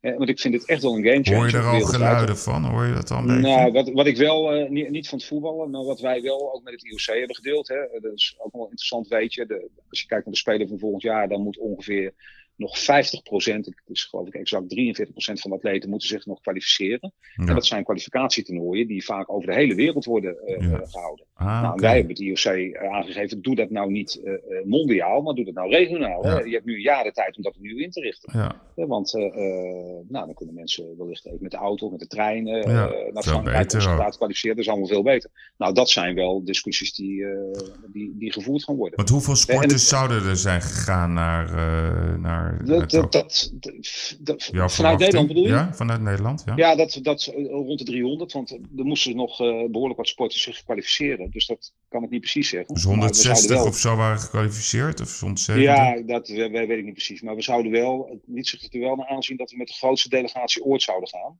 Ja, Want we hadden natuurlijk de voetbaldames, eh, de, de handbaldames. eh, Ja. eh, eh, eh, we hadden wat teams. Nou, eh, kon dames. zich, eh, Ja, eh, de honkbalmannen konden zich nog kwalificeren. Nou, ik weet niet of dat had gebeurd. Maar er wa- waren toch nog wel wat eh, eh, atleten bezig om zich te kwalificeren. Nou ja, dat, eh, de kwalificaties die, die zijn gerealiseerd, die blijven staan voor volgend jaar. Hè? Dus er moet zich Ja. dan nog steeds van ongeveer zo'n 50% eh, eh, wereldwijd. En dat geldt eigenlijk ook voor Nederlandse atleten. eh, dus eens gekwalificeerd, dat blijft. ja, dat blijft zo. Ja, ja, En dan heb je die eh, ruling. 43% en, en hoe, hoe gaan ze dat dan doen? Dus de- jij verwacht wel dat Dat zeg maar lokale kwalificaties worden? Nou, daar moeten, daar moeten besluiten over worden genomen. Wij hebben dat aangegeven. Probeer Ja. het nou wat te versimpelen. Ja, ook met het oog. Want ja, weet je, ik, ik was sowieso al een voorstander van. Want eh, toen die discussie plaatsvond over de verplaatsing van de Spelen, had je natuurlijk verschillende eh, opties. Van, eh, nou, ga je dat in het voorjaar doen? Doe je dat in de zomer of doe je dat in het najaar? Hmm. Nou, de, de- uit- uiteindelijk is ervoor gekozen. En, en er was één belangrijk argument om het naar voren te halen, omdat het in de zomer in Tokio ontzettend warm is de laatste jaren. Nou, de Hmm. Spelen van 1964 die werden in oktober gehouden. Dus ik had eigenlijk Ja. gedacht, van, nou doe het in oktober. Ja, dat, Heb je ook meer tijd. Weet je ja maar dat was eh, ook niet gelukt. Maar eh, uiteindelijk hebben ze besloten te- om ook dit gewoon copy-paste te doen, eh, Ja. de Japanners. Dus het zijn, het zijn dezelfde data volgend jaar. Nou ja, ja, het gaat om veel belangen. we... Hey, maar even Ja, op. Nederlands niveau, hè, dat vind ik wel interessant. In Rio hadden we acht keer goud, zeven keer zilver en vier keer brons. Wat, was, wat is jouw verwachting voor, voor Nederland, normaal gesproken Nou, in Ik, 2021? ja, ik, ik vind het heel ingewikkeld om Nee, eh, daar kom je niet mee weg. een getal te noemen, weet je wel. Daar kom je niet mee weg. eh, nee, maar ik kan geen getal noemen, maar ik, ik had wel de verwachting dat we meer medailles zouden halen dan eh, in Rio. Ja, toch. als we kijken, kijken naar naar de, wielrennen. de prestaties. Ja, alleen aan het wielrennen. Maar, maar sowieso in de breedte. Als we kijken naar de prestaties van onze Team NL-atleten de afgelopen jaren. Ja, die waren natuurlijk magistraal. Ja, Hè, eh, en, en nu ben je weer een jaar verder. Hè, dus dat, dat, dan moet je ook weer zien van ja, wat doet deze pandemie voor de topsportprestaties. Hè? Dus eh, Ja. ja. dat vind ik nu wat moeilijker. Hè? Maar stel dat eh, de Spelen wel zouden zijn doorgegaan. Dan denk ik dat we wel eens over het record van, van Sydney heen hadden kunnen komen. Van 2000. Hè? Er waren ik 24 ja. eh, medailles. Eh, ehm, Dus eh, 25 nou, medailles. Want als je alleen al kijkt naar het baanwielrennen, daar, daar hadden ze altijd volgens Ja. mij al 10 medailles met de dames en Ja, heren. fantastisch. Ja, Dat is die, niet normaal. Die, die waren zo in vorm. Ja, Eh, eh, maar Ja. weet je, het is ook met sport, hè. Je moet het toch allemaal mee. Ja, ja, zeker. En, eh, en ik heb veel spelen dag. meegemaakt. Ja, ja. Heel veel spelen meegemaakt vanuit de NOS en ook vanuit nu. ja. En je ziet ook altijd wel weer eh, dat, dat je denkt van nou, die medailles eh, die, eh, die, die boeken we vast in. Die worden niet gehaald. En er zijn er ook altijd wel weer een paar verrassingen. dus dat is ook het mooie van sport. Je Maar, maar even dan nog even om, ook een beetje die hoop te houden. Hè? Dus ik, Ja. Nederland sportland, hoe kunnen we ervoor zorgen dat Nederland ook... Hè, we doen het echt goed, hè? maar als je bijvoorbeeld kijkt naar een klein land als Noorwegen... die op winterspelen, nou ja, dat is echt abnormaal wat die allemaal binnenhalen elke keer. Dus hoe kunnen we ervoor zorgen als land dat Nederland ook permanent zeg maar, op die kalender blijft staan, ook als topsportland? Dus buiten het feit dat je zegt, oké, we willen gewoon een sportland zijn, maar dat we ook, dat gaat toch ook om geld? Daarom, daarom vind Ja, ik die maar we 110 hebben- miljoen we zo hebben- voor niet ambitieus. Ja. Ik vind gewoon dat we een miljard binnen moeten halen. Ja, ja, ja. Nou ja, voor mij, voor mij mag er morgen een miljard in. Ja. Maar als je ziet wat wij met ons topsportbudget doen en hoe efficiënt wij het hebben ingericht. Het heeft ook met, de, met, met het land te maken. Hè? Met de manier waarop wij vanuit die, die, die breedte sport talenten kunnen eh, eh, eh, scouten en ontwikkelen. Hè, Hmm. Dat gaat vanuit die verenigingssport natuurlijk heel erg goed. Hè? We hebben een topsportbudget van, nou dat is de afgelopen jaren ook met 20 miljoen weer verhoogd. En dat is echt heel veel geld, van, van zo'n 50 miljoen. Ja. Een paar jaar geleden was het veel minder, dus dat hebben we al eh, behoorlijk eh, eh, naar boven kunnen bijstellen dankzij eh, de overheid. Hm. Eh, ehm, nou, en als je ziet wat wij dan presteren, ehm, eh, nou, we wisselen heel veel kennis uit. hè. We hebben eh, eh, op, op Papendal eh, een, een gecentraliseerd high performance team.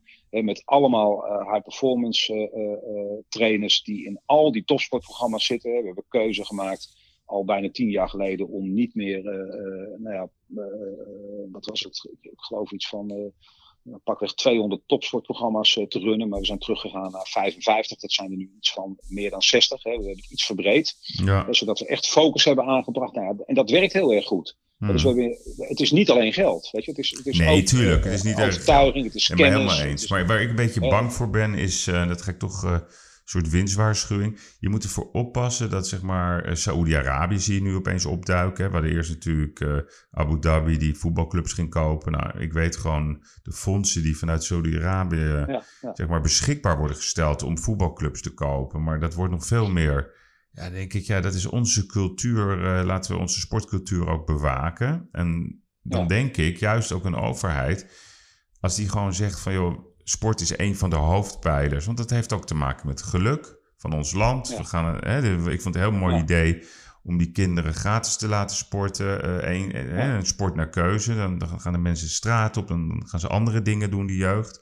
Want die jeugd die heeft, hè, die zit nu net op zijn telefoontje te, te kijken. En, eh, wie is op Instagram populair? Nee, sporten. En een mooie, echt een, een, totaal uitgewerkte sportcultuur. Ik, Jaap de Groot heeft daar ook vaak voor gepleit.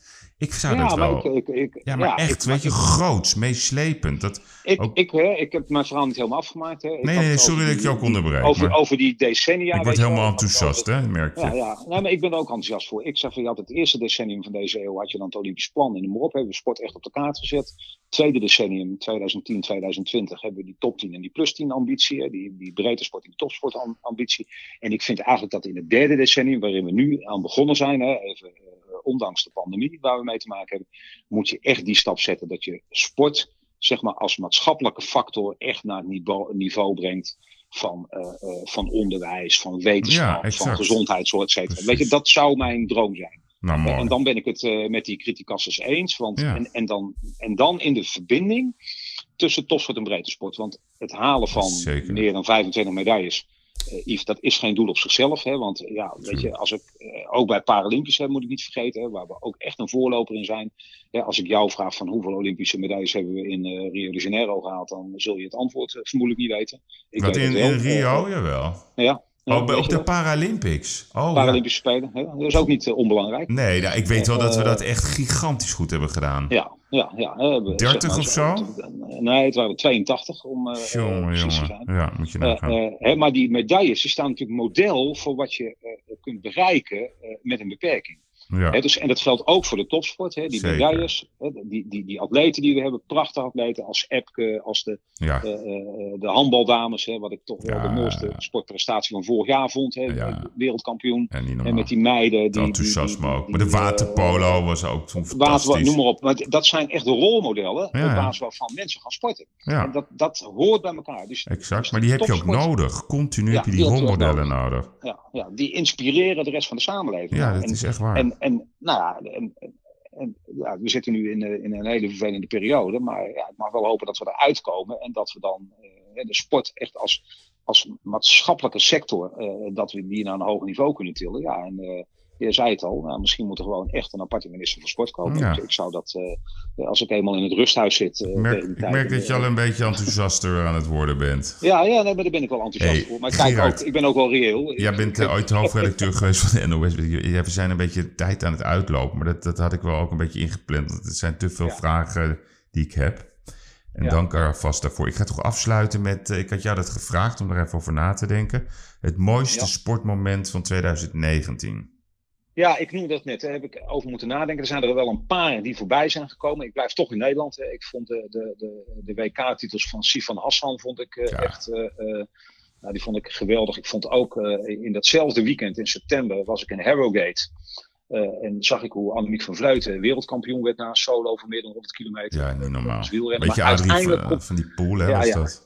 Ja, ja, ja, was ook, ja, was natuurlijk ook prachtig Ja, bij de Amsterdam Gold Race. Maar uiteindelijk kom ik toch bij de, bij de handbaldames eh, in november. Ja, die, eh, die wereldkampioen werden. Want handbal is wel mijn eerste sport. Ik heb op hoog niveau gehandbald eh, eh, kijk eens aan. vorig leven. En ja, nou ja, dat, dat, toen, toen kreeg ik wel tranen in mijn ogen.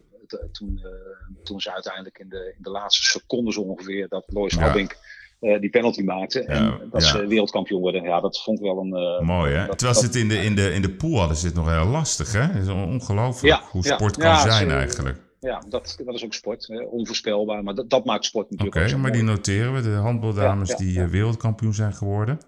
En dan de Lois Abbing, het moment natuurlijk. was de laatste seconde of Ja. zo, hè? Ja, het was echt in de, ja, het was gelijk eh, klaar. Dus Ja. eh, penalty nemen en eh, fluiten. Lois Abbing. Ja! Ja, we zijn wereldkampioen! We zijn wereldkampioen!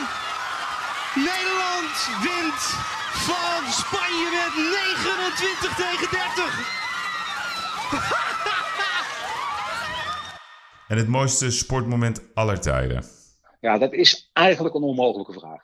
Weet ik, weet ik. Maar Ja, ik, maar ik, eh, ja, god, ik, ben- ik kom ook uit de journalistiek. Ik heb ook veel vragen gesteld. Dus ik snap dat je hem stelt. Dus ik heb daar wel over nagedacht.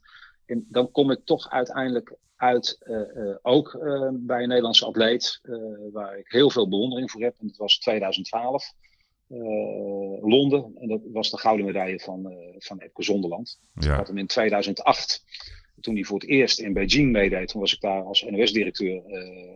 nou, toen, toen zag ik hem vallen van de rekstok. En in nou, 2012 ja, won hij op een magistrale manier met een, met een oefening die nog nooit eerder vertoond was. Weet je ook nog de termen? Ik weet in ieder geval de Gaylord. nee, die term die... de nee, Casina, geloof ik. Ja, nee, dan moet je moet wel mijn goede collega Hans van Zetten Ja, nee, maar die combinatie, hè? Die Ja, was die ook... combina- dit was een Dat driedubbele combinatie. commentaar, Die was, nee, maar ook eh, dat commentaar ja, van Hans van Zetten. Ja, ja, ja, ja, Dat maakt het ook nog mooier, hè?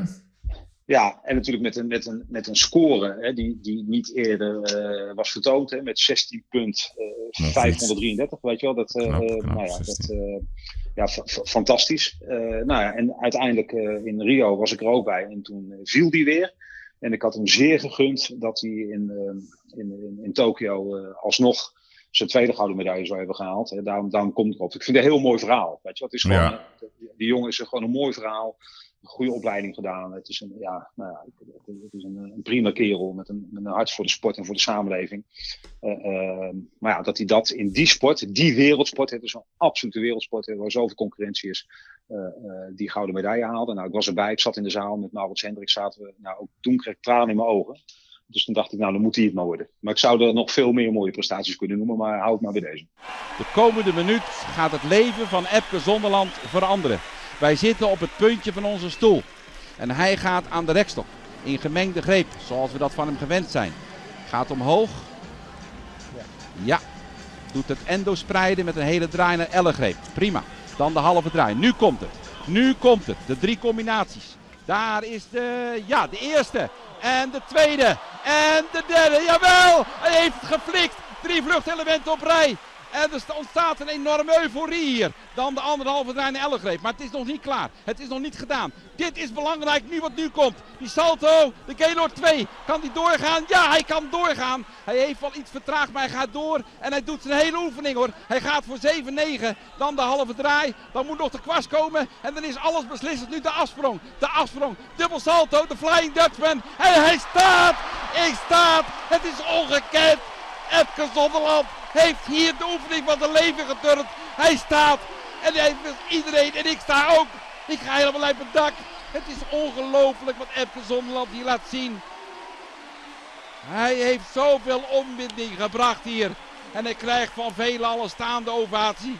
Epke Zonderland. Ik vind het heel mooi. Ik, ik ga afsluiten met jou met nog één vraag. Ehm, Ja. Omdat je ook zoveel verschillende pet op hebt gehad in je leven. En je bent ook nog eens een, zelf een eh, zeer actief beoefenaar van de sport. Wat is nou jouw tip, jouw, echt jouw ultieme tip voor jongeren, ouderen en alles wat ertussen zit eh, op het gebied van sport in de komende maanden? Wat, wat zeg je nou?